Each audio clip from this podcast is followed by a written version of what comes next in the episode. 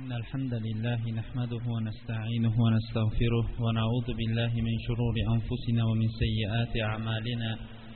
من يهده الله فلا مضل له ومن يضلل فلا هادي له. وأشهد أن لا إله إلا الله وحده لا شريك له. وأشهد أن محمدا عبده ورسوله. ثم عما بعد السلام عليكم ورحمة الله وبركاته. odatdagiday navbatdagi suhbatimizni boshlashdan avval alloh subhanava taoloning go'zal ismlari va oliy sifatlari bilan ushbu majlisimizni muborakli majlislar qilishligini va tarqalishligimizda bizlarga alloh subhanava taoloning ilm halaqalarini qidirib yuruvchi farishtalari bizlarga qarata ey ollohning bandalari endi sizlar o'rninglardan turaveringlar. Vaholanki endi sizlarning gunohinglar kechirilindi degan majlislardan qilishligini so'rab suhbatimizni boshlaymiz. Alloh subhanahu va taologa beadad hamdlar bo'lsin. Imom zahabiy rahimaullohning gunohi kabiralar deb nomlanmish kitobining ellik ikkinchi gunohi kabira isbalul izar ya'ni kiyimni to'pig'idan pastgacha kiyib uni sudrab yurishlik gunohiga yetib kelgan edik. Inshaalloh bugungi majlisda ellik ikki va ellik uchinchi gunohi kabira u ham bo'lsa erkak kishilar ipak va tilladan yasalingan xoh buyum xoh liboslardan foydalanishligi mumkin emasligi haqida inshaalloh to'xtab o'tamiz. Islom dini mukammal dinlarning bittasi bo'lib bu din insonlarni ham ma'naviyat tomonidan ham iqtisod tomonidan ham insonlarning ongini va shu o'rinda mana bugungi suhbatimizga munosib libosi va tashqi ko'rinishi tomondan ham ilgarilab ketishiga targ'ib qilgan din bu islom dinidir. Alloh subhanahu va taolo bizlarni yer yuzida nihoyatda ko'p hurmat ehtirom qilib mukarram qildi. Alloh subhanahu va taolo aytadiki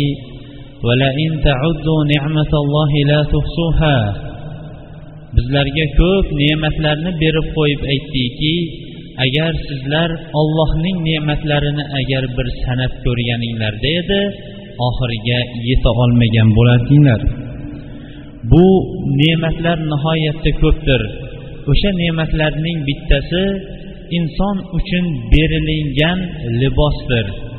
Lekin islom insonlarga berilingan ne'matlarni olloh buyurganiday va rasuli sollallohu alayhi vasallam ko'rsatib berganday bu ne'matlarni tasarruf qilishga o'rgatgan din ham islom dinidir.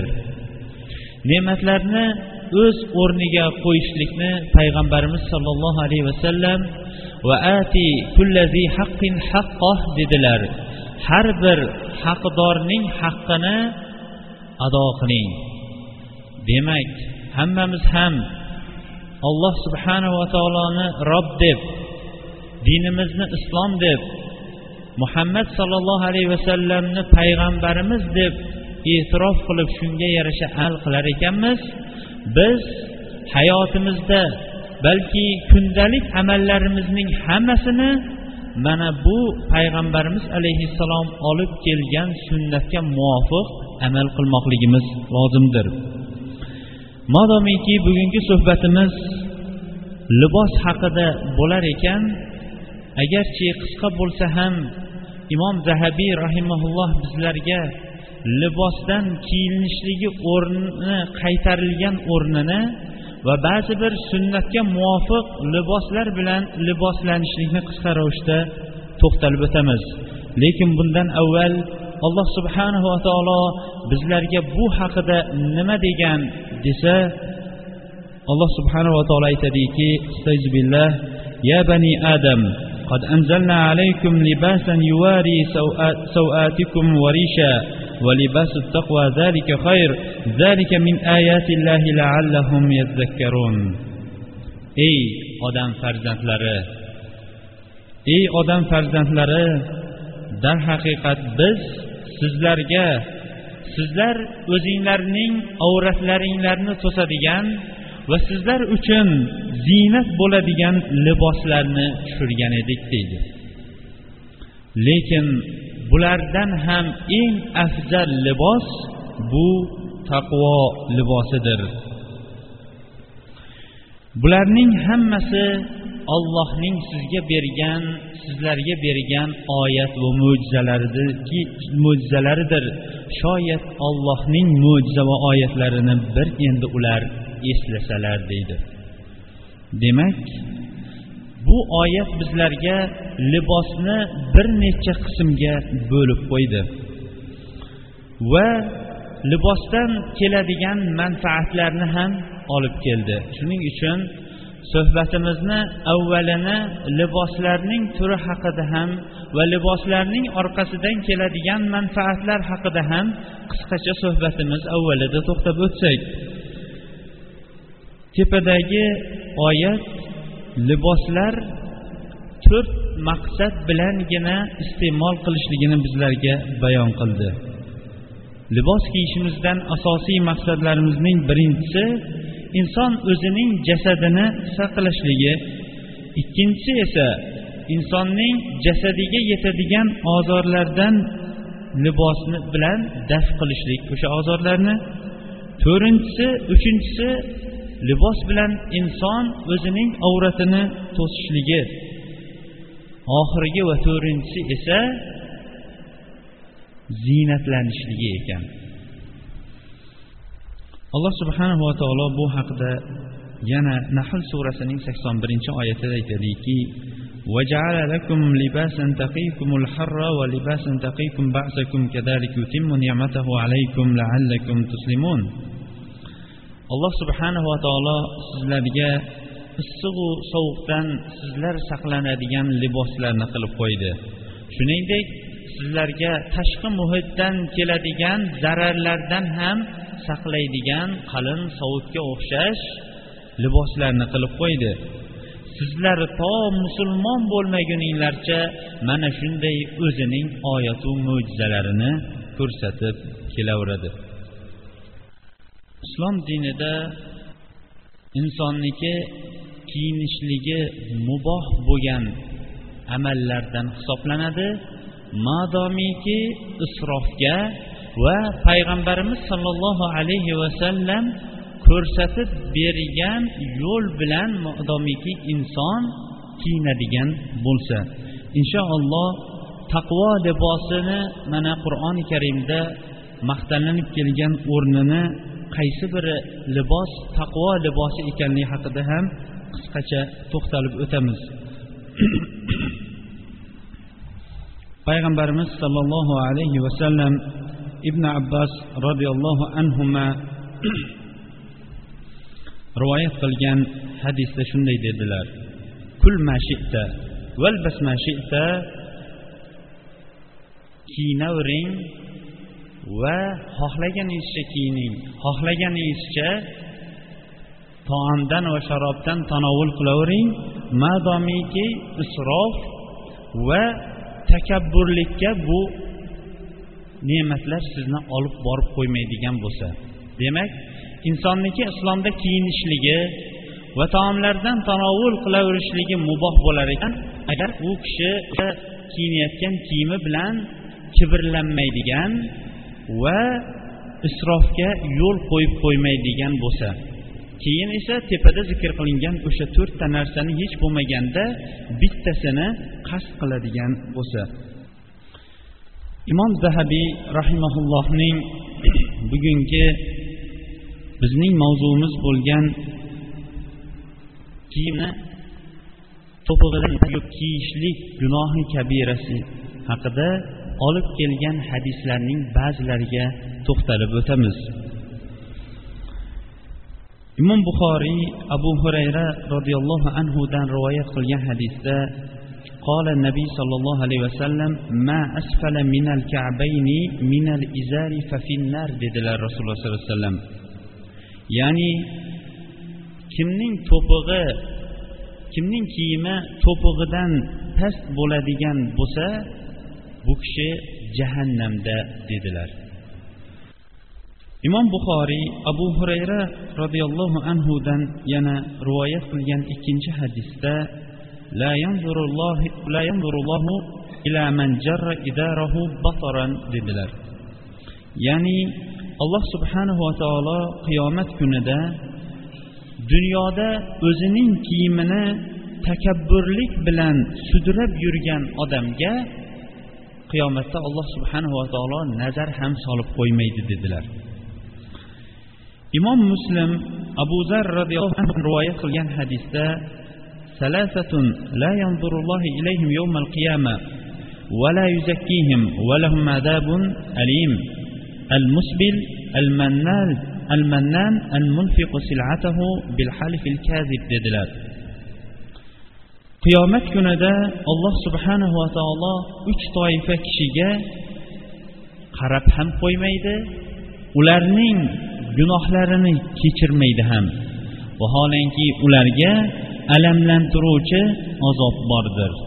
Ularning birinchisi libosini sudrab yuradigan kishi keyingisi nima ish qiladigan bo'lsa o'sha ishining hammasini minnat qiladigan. Mannan bu ko'p minnat qiluvchi kishiga aytilinadi. Uchinchisi esa o'zining molini yolg'on qasam bilan sotadigan odamga dedilar. Payg'ambarimiz sollallohu alayhi vasallam tepada zikr qilingan hadislar bilan bizlarga kiyiniladigan liboslarning kiyinishlik o'rnidagi chegarasini bizlarga belgilab berdi. Tepada o'qilingan hadislar bu erkaklarga xos bo'lgan hadislar edi.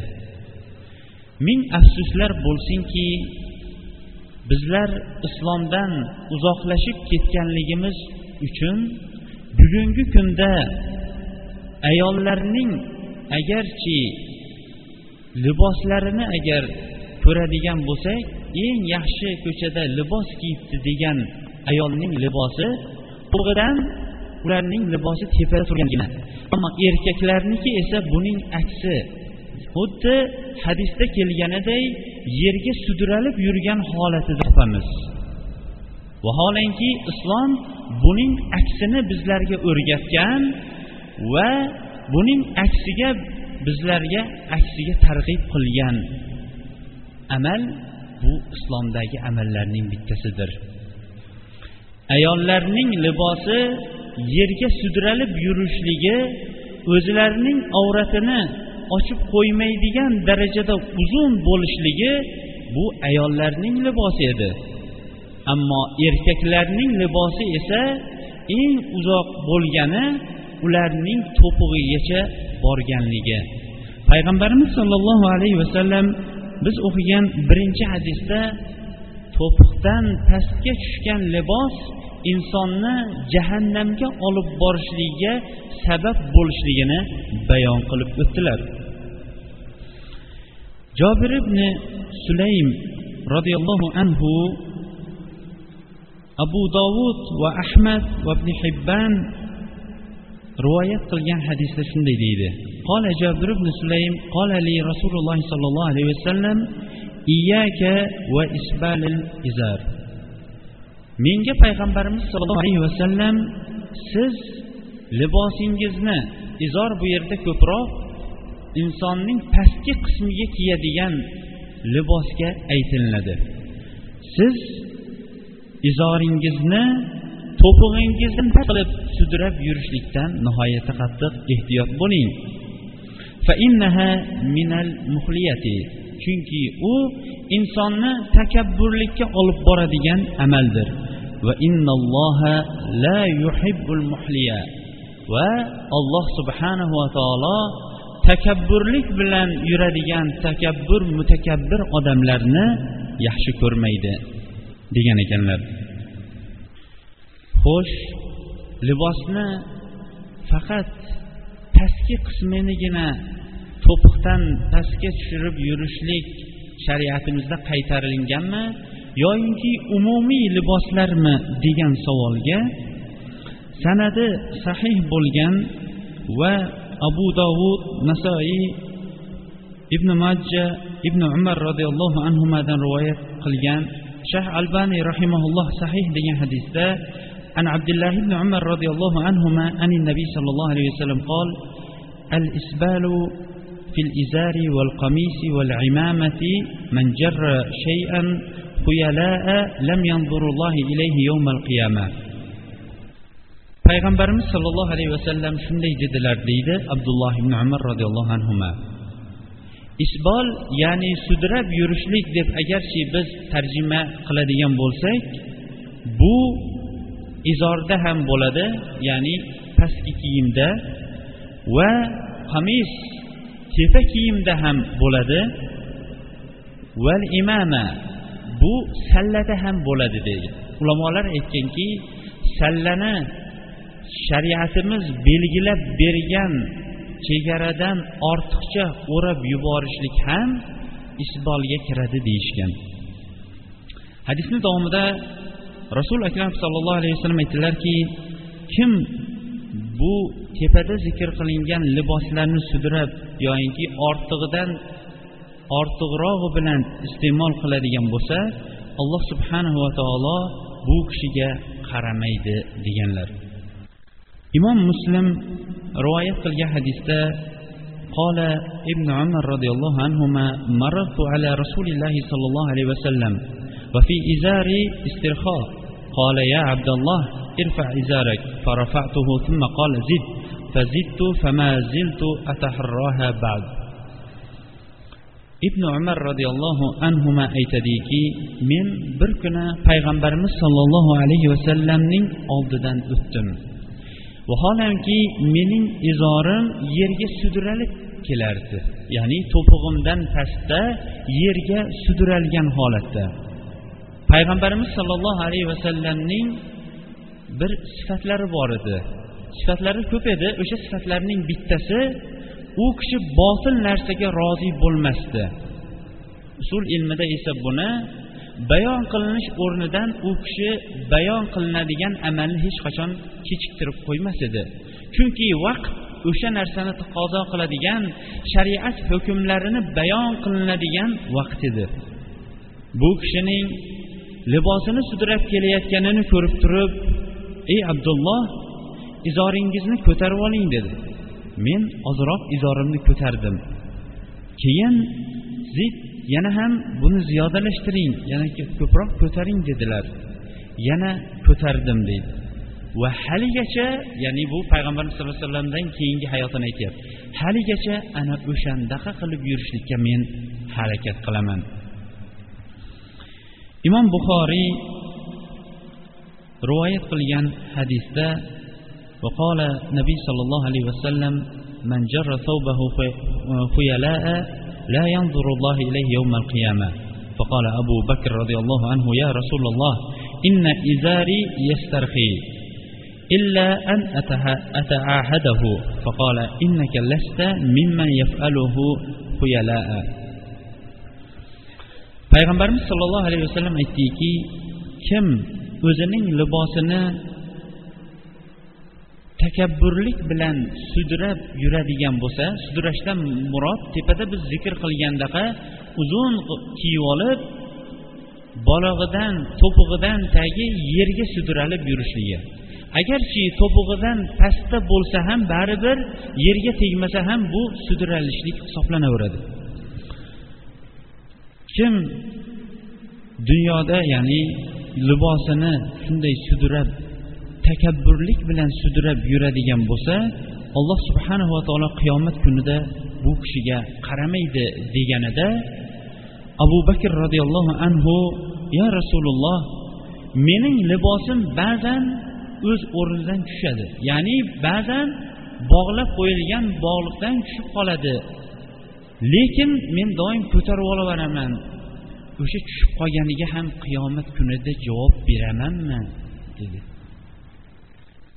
Payg'ambarimiz sallallohu alayhi vasallam aytdilarki yo'q siz buni gapiradigan odamlar safidan emassiz dedi. Biz keyingi o'qigan hadislarimizda tushunilib qolinmasinki demak inson kibr bilangina libosini to'pig'idan pastiga qilib kiyib yuradigan bo'lsagina o'sha jahannam azoblari va'da qilingan deb ulamolar aytadiki agar inson kibr bilan libosini sudrab yuradigan to'pig'idan pastda qilib sudrab yuradigan bo'lsa bu kishiga ikkita gunoh bor. Birinchi gunohi kibr qilganligi. Ikkinchi gunohi bu libosini sudrab yurganligi deganlar. Ammo birinchi o'qigan hadisimiz abu hurayra roziyallohu anhuning hadisi ma asfala minal ka'bayni minal izal fafinnar umumiy qoidadir. To'piqdan pastda bo'lgan liboslarning hammasi jahannamdadir degan. Xoh bu libos kibr bilan kiyilingan bo'lsin. Xoh kibrsiz kiyilingan bo'lsin. Payg'ambarimiz sollallohu alayhi vasallamning bu hadislarini eshitgan sahobalar payg'ambarimiz alayhissalom madrasasidan qanday chiqishgan edi?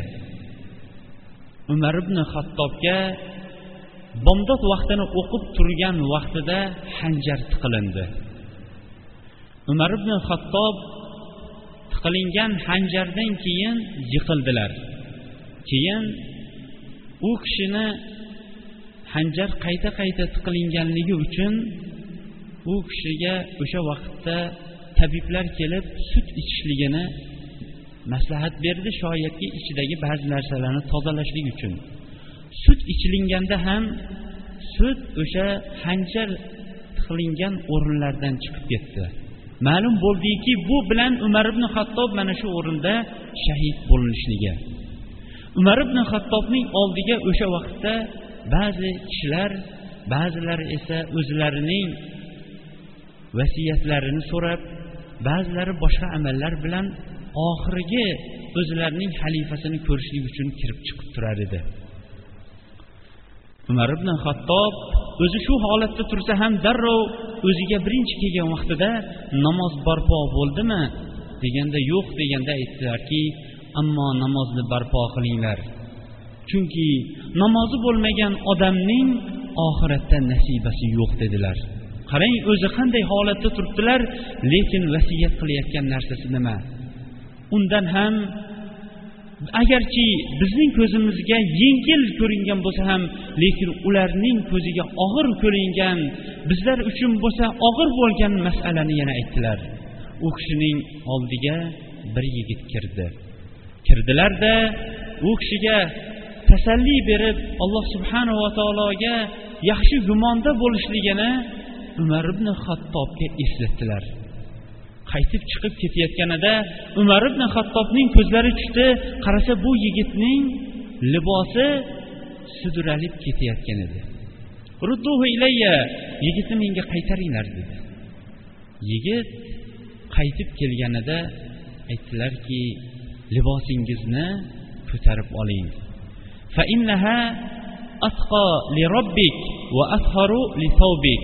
Chunki siz libosingizni ko'tarib ya'ni to'pig'idan tepada ko'tarib yurishligingiz robbingiz uchun taqvoliroqdir. Libosingiz uchun esa pokizaroqdir dedi. Haqiqatdan ham islom buyurgan amallarni agar biz hayotimizda tadbiq qilib ko'radigan bo'lsak nihoyatda katta bir pokizalik. Bu pokizalik nafaqat qalbdagi iymon bilan bo'ladigan pokizalik. Balki jasadda va libosda bo'ladigan pokizalikni aniq ravishda topa olamiz.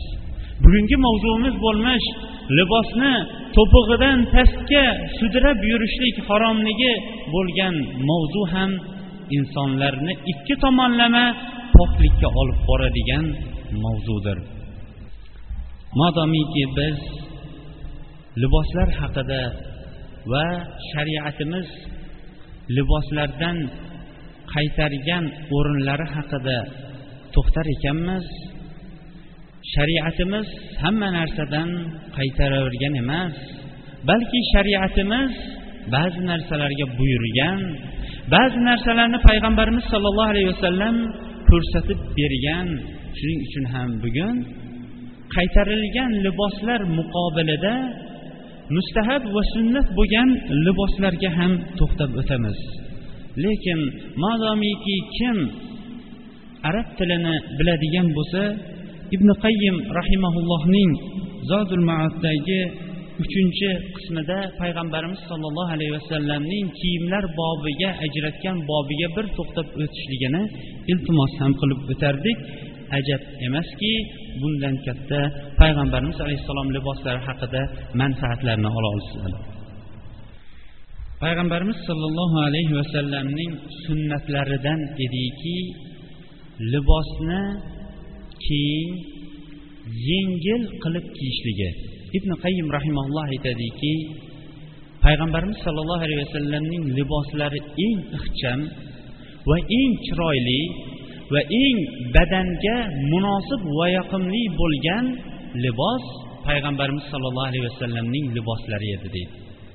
U kishining yenglari o'sha rusug' deydi kaflaridan u yog'iga kaflariga ham o'tmas edi va yenglari unchalik ham keng emas edi.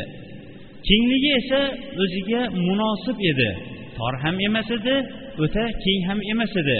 Va o'ta insonlar sudrab yuradigan ravishdagi uzun ham emas edi deydi. Bu ibn qayim rahimaullohning gaplari bizlarga libos bobidan bo'lib ham to'piqdan pastga tushirib yuborish yoki to'piqqacha bo'lgan chegarani eng pastki chegara bo'ladigan bo'lsa tepagacha bo'lgan chegara qaysi joygacha ekanligini bizga bildirib beradi. Mo'min kishining izori to'pig'ining to'pig'ining tepasi ya'ni sonlarining yarim yarmigacha deganlar. Ya'ni o'zbek tiliga tarjima qilganda boldirining yarmigacha bo'ladi. Va yarmidan keyin to to'pig'igacha bo'lgan o'rni ruxsat bo'lgan o'rnidir. To'pig'idan libosi pastga tushib ketishligi bu shariatimiz harom qilib qaytargan o'rni bu mo'min kishining o'rnidir. Payg'ambarimiz sollallohu alayhi vasallam mino kunlari haj qilganida deydi ibn abbos roziyallohu anhu men u kishiga ba'zi bir xizmatlari bilan xizmat qilib turardim. Shunda u kishi o'zining chodirlaridan chiqdi. Tepalarida bir jubbadan iborat bo'lgan bir kiyimni kiyib olgan edi. Vaholanki men u kishining o'sha boldirlarining oqligini ko'rib turardim degandan muhaddislar aytganki demak libosning ko'tarilib turish o'rni o'sha boldirlarining yarmigacha bo'lishligi bu sunnat ammo to'pig'igacha boraverishligi cho'zilib bu joiz o'rni to'pig'idan oshib ketishligi esa shariatimiz qaytargan o'rnidir. Payg'ambarimiz sollallohu alayhi vasallamning yana bizlarga o'rgatgan sunnat liboslarni hattoki ranglarigacha o'rgatgan edi. Oq libosni u kishi yaxshi ko'rar edi va o'sha libos bilan liboslanishlikka insonlarni targ'ib qilib shunday degan edilar. Abu dovud o'zini sunanlarida rivoyat qilgan shayx albaniy sahih degan hadisda ilbasu min siyabikumul biyab fa innaha min khayri siyabikum va kaffinu dedilar. Sizlar libosinglar ichidagi oq rangli liboslarni kiyinglar. Chunki bular liboslar ichidagi eng afzal libosdir. Va oq libos ya'ni oq rangli kafan bilan mayyitinglarni ham kafanlanglar degan ekanlar. balki payg'ambarimiz sollallohu alayhi vasallam duolarida ham alloh subhanahu va taolodan so'rab اللهم نقني من خطاياي بالماء والثلج والبرد اللهم نقني من خطاياي كما ينقى الثوب الأبيض من الدنس deganlar ya'ni iloyo mening xato va kamchiliklarimni suv bilan qor bilan va yomg'ir bilan o'zing yuvgin iloyo mening xatolarimni xuddi oppoq kiyim kirlardan yuvinib tozalaganday mening xato va kamchilik gunohlarimni yuvgin deb gunohlardan poklanishlikni oppoq liboslarga o'xshatganlar. Shuningdek payg'ambarimiz sollallohu alayhi vasallam oq libosni targ'ib qilishligi bu oq libos birinchi o'rinda turadigan bo'lsa ikkinchi o'rinda payg'ambarimiz sollallohu alayhi vasallam qora rangdagi libosni ham kiyishganlar oysha roziyallohu anha aytadilarki قالت صنعت لرسول الله صلى الله عليه وسلم بردة سوداء فلبسها فلما أرق فيها وجد ريح الصوف فقذفها وقال وكانت تعجبه ريح طيبة men payg'ambarimiz sollallohu alayhi vasallamga qora rangdagi libosni tikib berdim deydilar. Onamiz oysha roziyallohu anha keyin uni kiydilar. Biroz kiyganlaridan keyin terlagandan keyin o'sha yunning hidi chiqib qolganidan keyin bu libosni kiymay qo'ydi. Chunki bu kishining odatlari xushbo'y narsalarni yaxshi ko'rardi deydi. Jobir roziyallohu anhu esa abu dovud o'zining sunanida rivoyat qilgan hadisda roitu rasululloh sollallohu alayhi vasallam fathi makkata va alayhi imamatun savda dedilar. Payg'ambarimiz sollallohu alayhi vasallam makka fath qilingan kuni qora salla bilan yurganliklarini ko'rdim deydi. Ana undan keyin payg'ambarimiz sollallohu alayhi vasallam sariq bo'lib ko'p sariq bo'lmagan liboslarni ham kiyganlar. Qizil ko'p qizil bo'lmagan liboslarni ham kiyganlar qizil liboslarni kiyishlikdan boshida qaytarib turib keyin qizil rangga boshqa ranglar aralashgan liboslarni kiyganlar.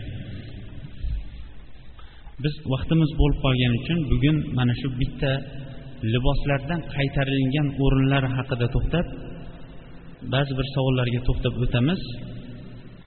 Bu yerda forscha bo'lsa kerak. Biz forscha bilmaganligimiz uchun menimcha lab qimirlatmay namoz o'qisa bo'ladimi?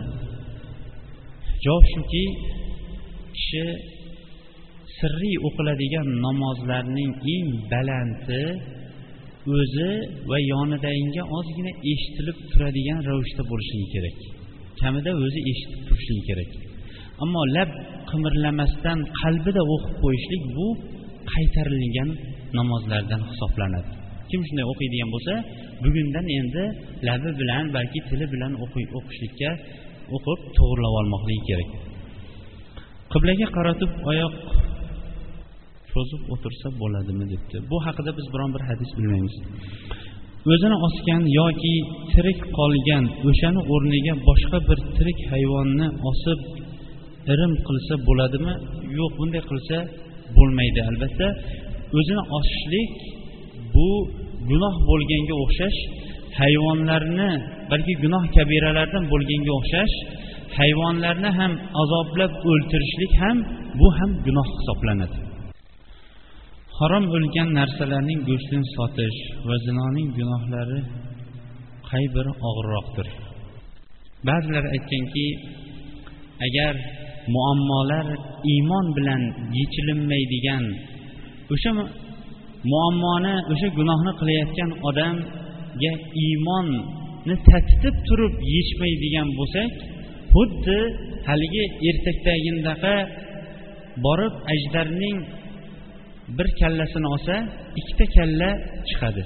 Yana bir kallasini olsa yana ikkita kalla chiqaverganga o'xshash bu gunohlarning qaysi biri og'iru qaysi biri yengil deyotgan odamlarga ham mana shunday gunohlar orqasidan gunohlar chiqib kelaverishligi va muammo ustiga muammolar tug'ilaverishligi aniq bo'lgan muammolarniki bittasidir.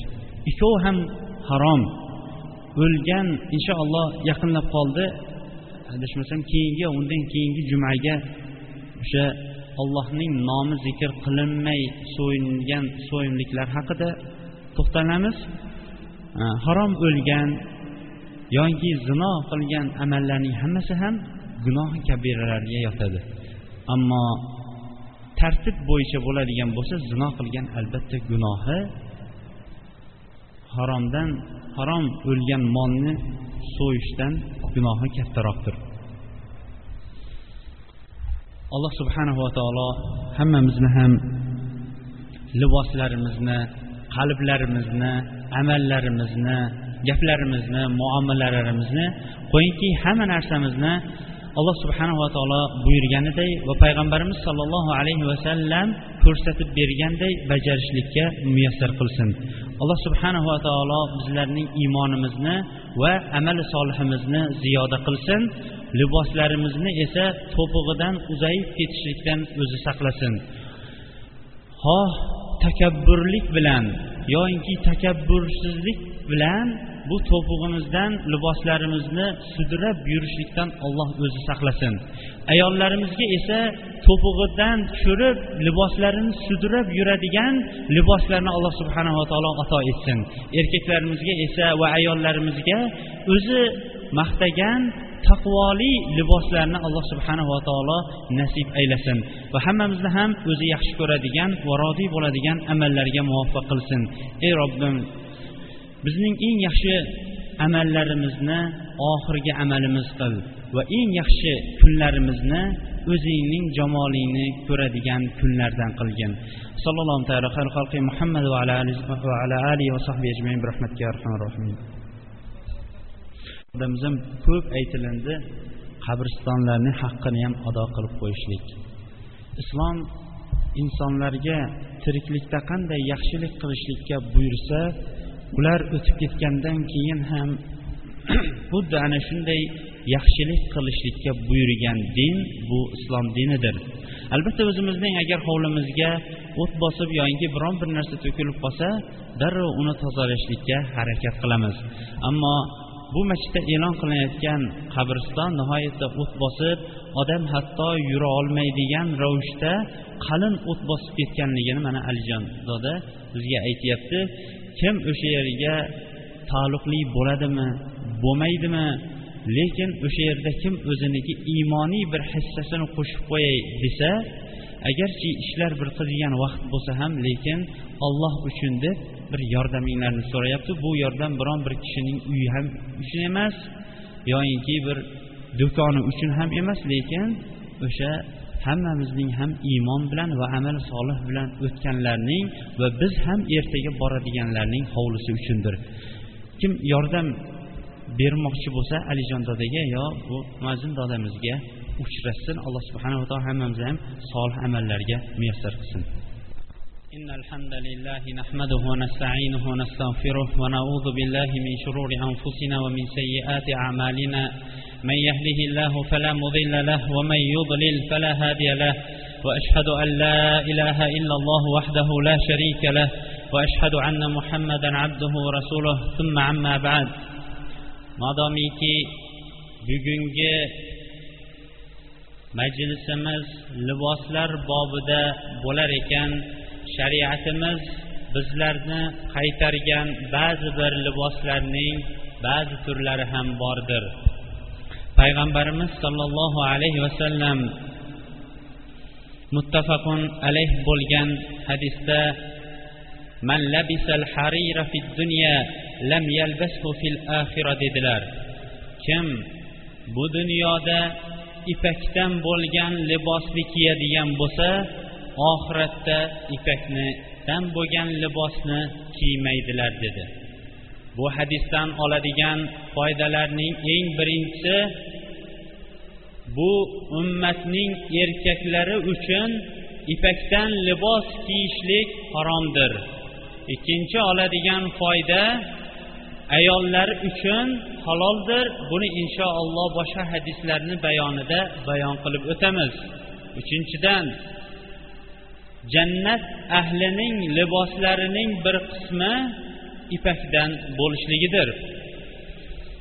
Yana muttafaqun alayh bo'lgan hadisda payg'ambarimiz sollallohu alayhi vasallam innama yalbasul harira man la khalaqa lahu fil axira dedilar. Ipakni oxiratda biron bir nasibasi bo'lmagan kishigina ipakdan bo'lgan libosni kiyadi.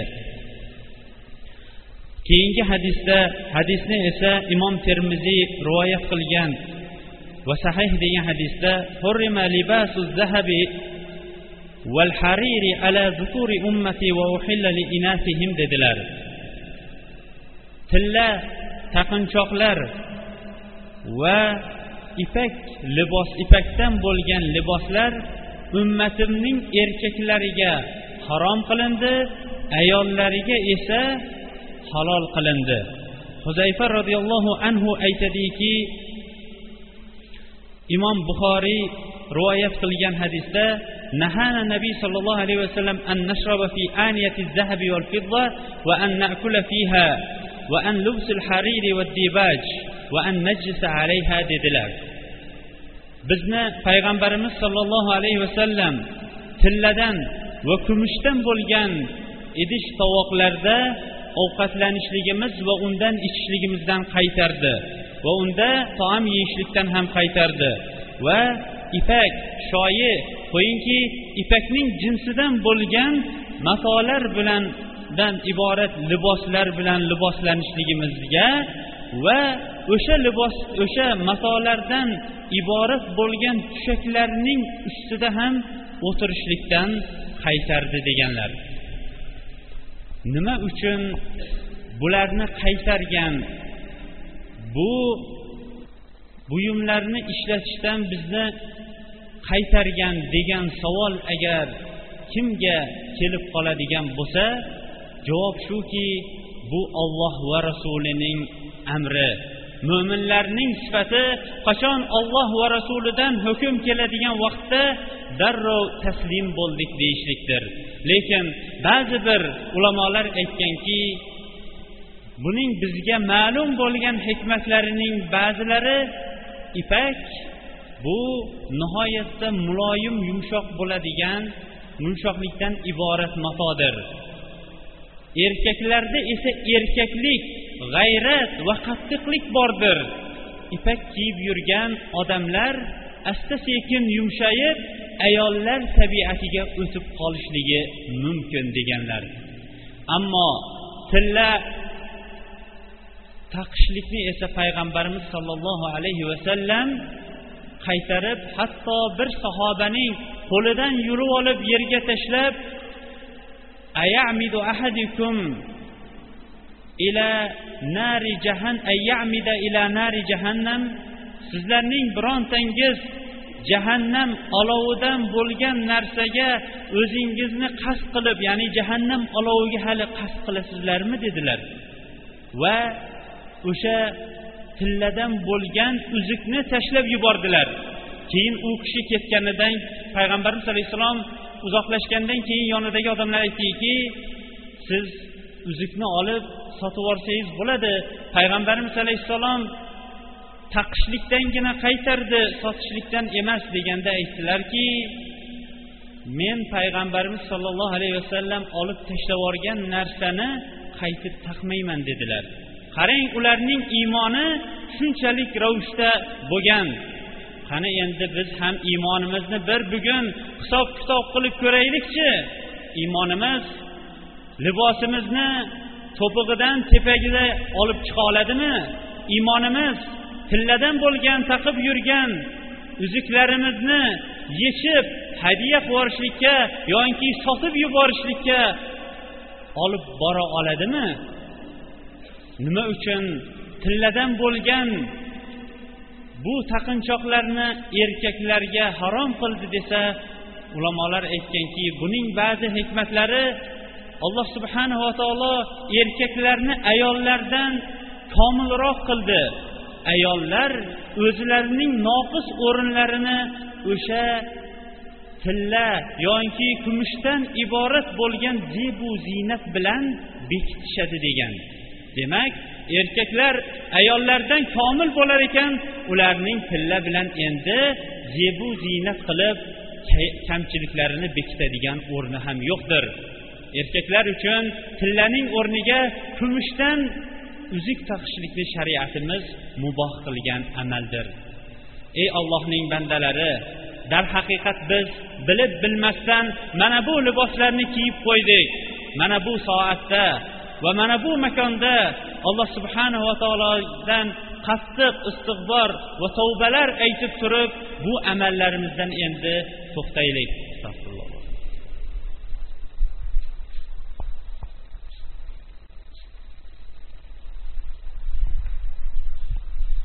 الحمد والصلاة والسلام على رسول الله وعلى آله وصحبه ومن اهتدى بهديه إلى يوم الدين biz modomiki imom zahabiy rahimaullohning gunohi kabiralar kitobidan gunohi kabiralarni o'qir ekanmiz bu bilan xuddi ulamolar aytmoqchi insonning ilmi tobora oshib boraveradi bu bobda sizlar bilan bizning farqimiz qolmaydi. Chunki ilm ham o'qish bilan bo'lganiga o'xshash eshitish bilan ham bo'ladi.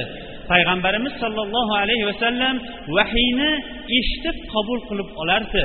U kishiga hech qachon yozilinib olib kelinilgan emas edi. Demak siz bilan bizning o'rtamizda bu tepada zikr qilingan gunohi kabiralarning ba'zilari o'rtasidagi ma'lumotimiz endi bab barobardir siz bilan bizning amal qilishligimiz ham endi bab barobar bizga farz qilindi. Alloh subhanava taolo aytadiki endi biladigan insonlar bilan bilmaydigan insonlar barobar bo'la oladimi deydi istifhom inkoriya. Albatta barobar bo'la olishmaydi. Albatta bilganlar va bilganlariga amal qilgan odamlar iymonlariga solih amalni ergashtirgan odamlar bular haqiqiy o'zlari davo qilgan iymonlarini amalda ko'rsatib bergan odamlar ana o'shalardir. Umar ibn xattob aytgan ekanlar hasibu anfusakum qabla an tuhasab vazinuha qabla an tuzan. Sizlar o'zinglarning amallaringlarni bir hisob kitob qilib ko'ringlar. Hisob kitob qilinadigan kundan avval va bir tarozuga tortib ko'ringlar tarozuga tortilinadigan kundan avval. Biz o'tgan suhbatimizda til haqida qildik. Undan o'tgan suhbatimizda yana boshqa boshqa bizlarni xoh kattayu kichik gunohlarga olib borib qo'yadigan amallar haqida qildik. Endi yaqin vaqtlari ham kelib qolyapti kitobning oxiri tugab qolyapti lekin bizning amalimiz qanchalik bo'lyapti? Biz qanchalik bu eshitganlarimizga amal qila olyapmiz? Sufyan savriy o'zi hali yosh bola edi. Onasi aytdiki ey o'g'lim boring siz ilmni talab qiling. Borib o'nta hadis yozing ilmni talab qiling men ip igirib bozorda sotib sizning cho'ntagingizni men qoplayman. Lekin borib o'nta hadisni yozing. Agar shu o'nta hadisga amal qila olmaydigan bo'lsangiz yonimga qaytib keling degan ekanlar. Biz ertami kechmi ko'p amallar haqida eshityapmiz. Lekin bunga qanchalik amal qila olyapmiz? Oysha roziyallohu anha onamizga oldilariga jiyanlari kelib har kuni beshta oltita yettita masalani so'rardi. Bu holat qayta qayta takrorlanganidan keyin oysha onamiz to'xtang jiyan siz kecha so'raganlaringizga amal qila oldingizmi? deganda yo'q deganda aytdilarki siz avval amal qiling ana undan keyin keling amal qilmaydigan bo'lsangiz qiyomat kunida sizning ziyoningizga hujjat bo'ladi dedi. Nima uchun? Chunki payg'ambarimiz sollallohu alayhi vasallam al qur'an hujjatun laka va alayka degan edilar. Qur'on sizning ziyoningizga yoinki sizning foydangizga qiyomat kunida hujjat bo'ladi degan edilar. Kim qur'onni o'qib unga amal qilsa qur'on bu kishining foydasiga hujjat bo'lib bu kishiga shafoatchi bo'ladi qiyomat kunida. Kim qur'onni o'qib yoyinki eshitib unga amal qilmaydigan bo'lsa albatta bu kishi qiyomat kunida qur'on bu kishining ziyoniga hujjat bo'ladi. Bu eshitayotgan moizalarimiz ham qiyomat kunida sizu biz mashhadgohda yig'ilingan to'planilgan vaqtida hammasi ham kiroman katibin hurmatli yozuvchilar oldida yozilib qo'yilgan bu amri ma'ruflar ham hammasi ko'ldaran qilinadi. Va sizu bizning bunga amal qilganligimiz va qilmaganligimiz haqida albatta xuddi mana shunday turganimizdaqa so'ralinajakdir alloh subhanava taoloning go'zal ismlari va oliy sifatlari bilan avvalambor biz o'zimizga so'ngra sizlarga bu narsalarga amal qilishlikka vasiyat qilamiz. Ey allohning bandalari darhaqiqat alloh subhanava taolo o'zining elchisi va rasuliga ko'proq salotu salomlar aytishlikka buyurgan میگن إن الله وملائكته يصلون على النبي. يا أيها الذين آمنوا صلوا عليه وسلموا تسليما. اللهم صل على محمد وعلى آل محمد. كما صليت على إبراهيم وعلى آل إبراهيم إنك حميد مجيد. اللهم بارك على محمد وعلى آل محمد. كما باركت على إبراهيم وعلى آل إبراهيم إنك حميد مجيد.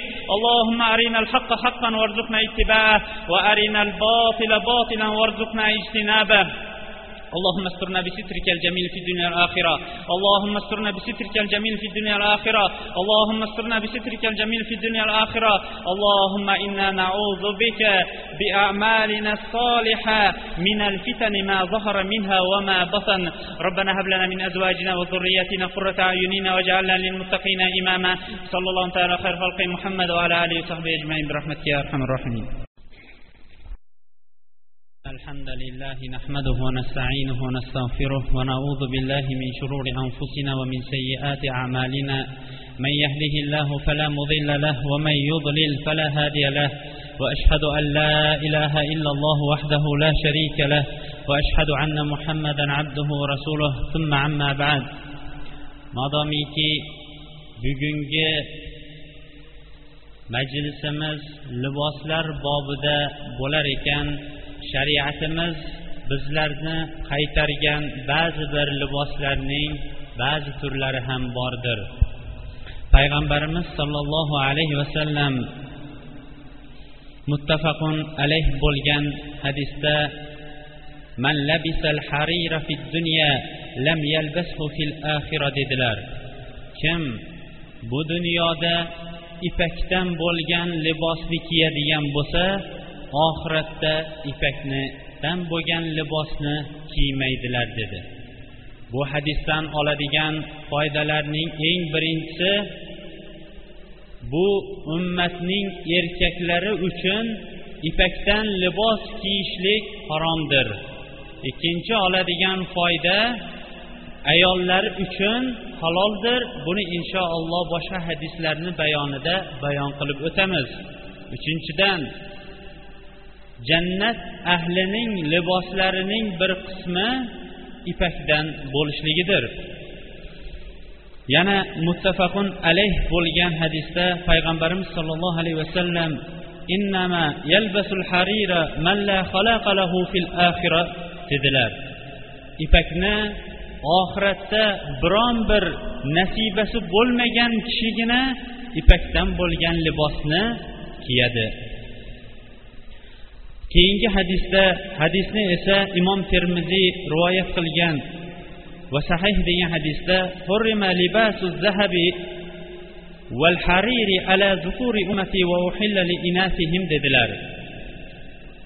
Tilla taqinchoqlar va ipak libos ipakdan bo'lgan liboslar ummatimning erkaklariga harom qilindi ayollariga esa halol qilindi huzayfa roziyallohu anhu aytadiki imom buxoriy rivoyat qilgan hadisda نهانا النبي صلى الله عليه وسلم أن نشرب في آنية الذهب والفضة وأن نأكل فيها وأن لبس الحرير والديباج وأن نجلس عليها dedilar bizni payg'ambarimiz sollallohu alayhi vasallam tilladan va kumushdan bo'lgan idish tovoqlarda ovqatlanishligimiz va undan ichishligimizdan qaytardi va unda taom yeyishlikdan ham qaytardi. Va ipak shoyi qo'yingki ipakning jinsidan bo'lgan matolar bilan dan iborat liboslar bilan liboslanishligimizga va o'sha libos o'sha matolardan iborat bo'lgan tushaklarning ustida ham o'tirishlikdan qaytardi deganlar. Nima uchun bularni qaytargan bu buyumlarni ishlatishdan bizni qaytargan degan savol agar kimga kelib qoladigan bo'lsa javob shuki bu olloh va rasulining amri. Mo'minlarning sifatchon olloh va rasulidan hukm keladigan vaqtda darrov taslim bo'ldik deyishlikdir. Lekin ba'zi bir ulamolar aytganki buning bizga ma'lum bo'lgan hikmatlarining ba'zilari ipak bu nihoyatda muloyim yumshoq bo'ladigan yumshoqlikdan iborat matodir. Erkaklarda esa erkaklik g'ayrat va qattiqlik bordir. Ipak kiyib yurgan odamlar asta sekin yumshayib ayollar tabiatiga o'tib qolishligi mumkin deganlar. Ammo tilla taqishlikni esa payg'ambarimiz sollallohu alayhi vasallam qaytarib hatto bir sahobaning qo'lidan yurib olib yerga tashlab ayamidu ahadikum ila nari jahan ayamida ila nari jahannam? Sizlarning birontangiz jahannam olovidan bo'lgan narsaga o'zingizni qasd qilib ya'ni jahannam oloviga hali qasd qilasizlarmi dedilar. Va o'sha tilladan bo'lgan uzukni tashlab yubordilar.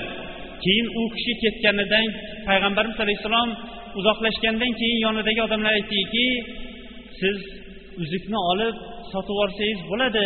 Payg'ambarimiz alayhissalom taqishlikdangina qaytardi sotishlikdan emas deganda aytdilarki men payg'ambarimiz sollallohu alayhi vasallam olib tashlab yuborgan narsani qaytib taqmayman dedilar. Qarang ularning iymoni shunchalik ravishda bo'lgan. Qani endi biz ham iymonimizni bir bugun hisob kitob qilib ko'raylikchi. Iymonimiz libosimizni to'pig'idan tepagida olib chiqa oladimi? Iymonimiz tilladan bo'lgan taqib yurgan uzuklarimizni yechib hadya qilib yuborishlikka yoki sotib yuborishlikka olib bora oladimi?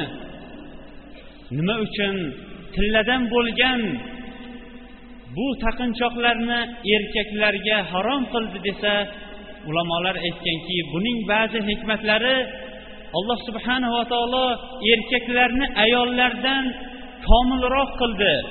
Ayollar o'zlarining noqis o'rinlarini o'sha yoki kumushdan iborat bo'lgan zebu ziynat bilan bekitishadi degan. Demak erkaklar ayollardan komil bo'lar ekan ularning tilla bilan endi zebu ziynat qilib kamchiliklarini bitadigan o'rni ham yo'qdir. Erkaklar uchun tillaning o'rniga kumushdan uzuk taqishlikni shariatimiz muboh qilgan amaldir. Ey ollohning bandalari darhaqiqat biz bilib bilmasdan mana bu liboslarni kiyib qo'ydik. Mana bu soatda va mana bu makonda alloh subhanava taolodan qattiq istig'bor va tavbalar aytib turib bu amallarimizdan endi to'xtaylik.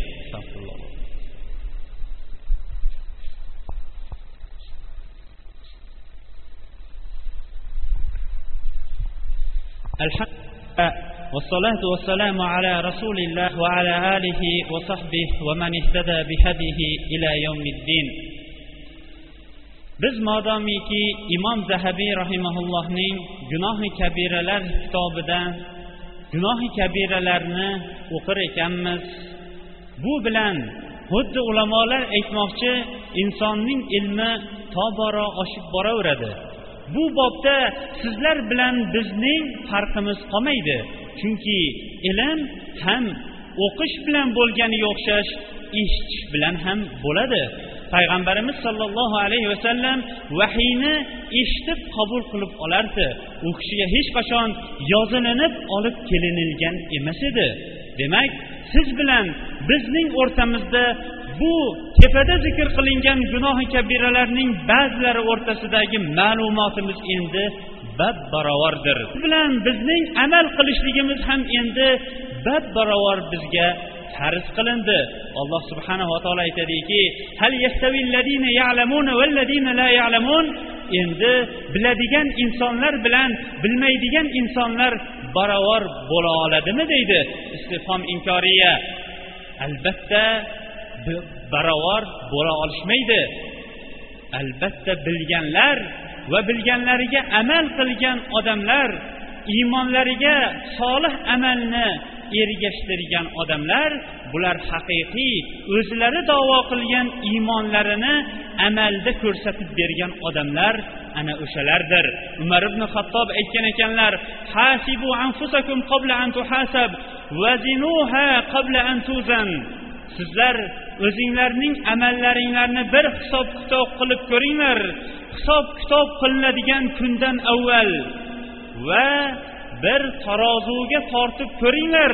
Tarozuga tortilinadigan kundan avval. Biz o'tgan suhbatimizda til haqida qildik.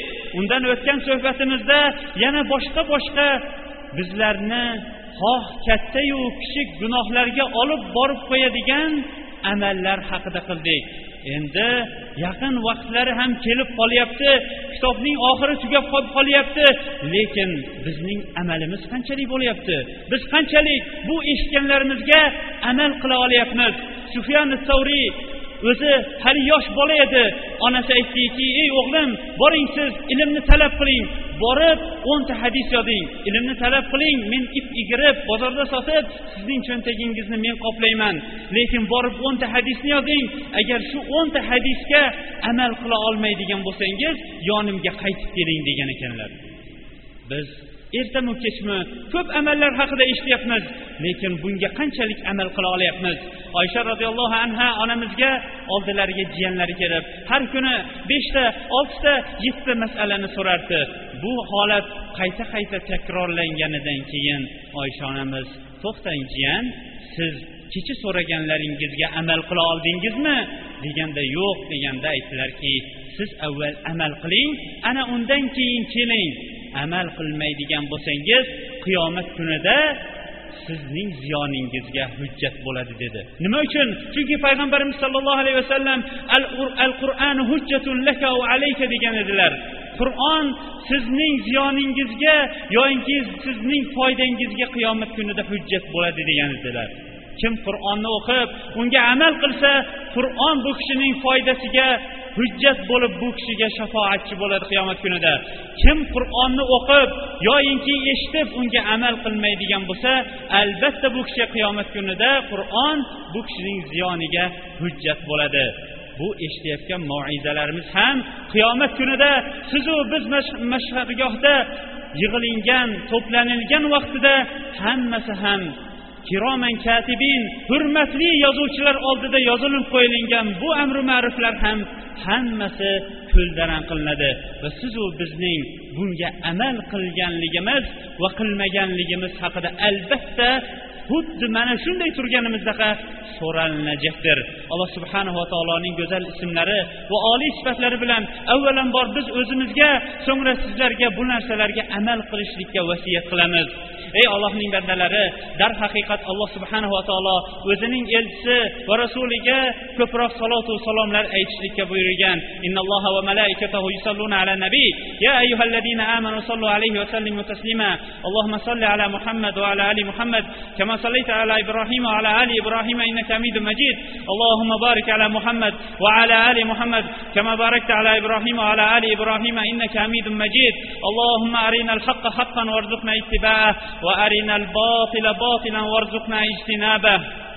اللهم استرنا بسترك الجميل في الدنيا الآخرة اللهم استرنا بسترك الجميل في الدنيا الآخرة اللهم استرنا بسترك الجميل في الدنيا الآخرة اللهم إنا نعوذ بك بأعمالنا الصالحة من الفتن ما ظهر منها وما بطن. ربنا هب لنا من أزواجنا وذرياتنا قرة أعيننا واجعلنا للمتقين إماما. صلى الله تعالى خير خلق محمد وعلى آله وصحبه أجمعين. برحمتك يا أرحم الراحمين.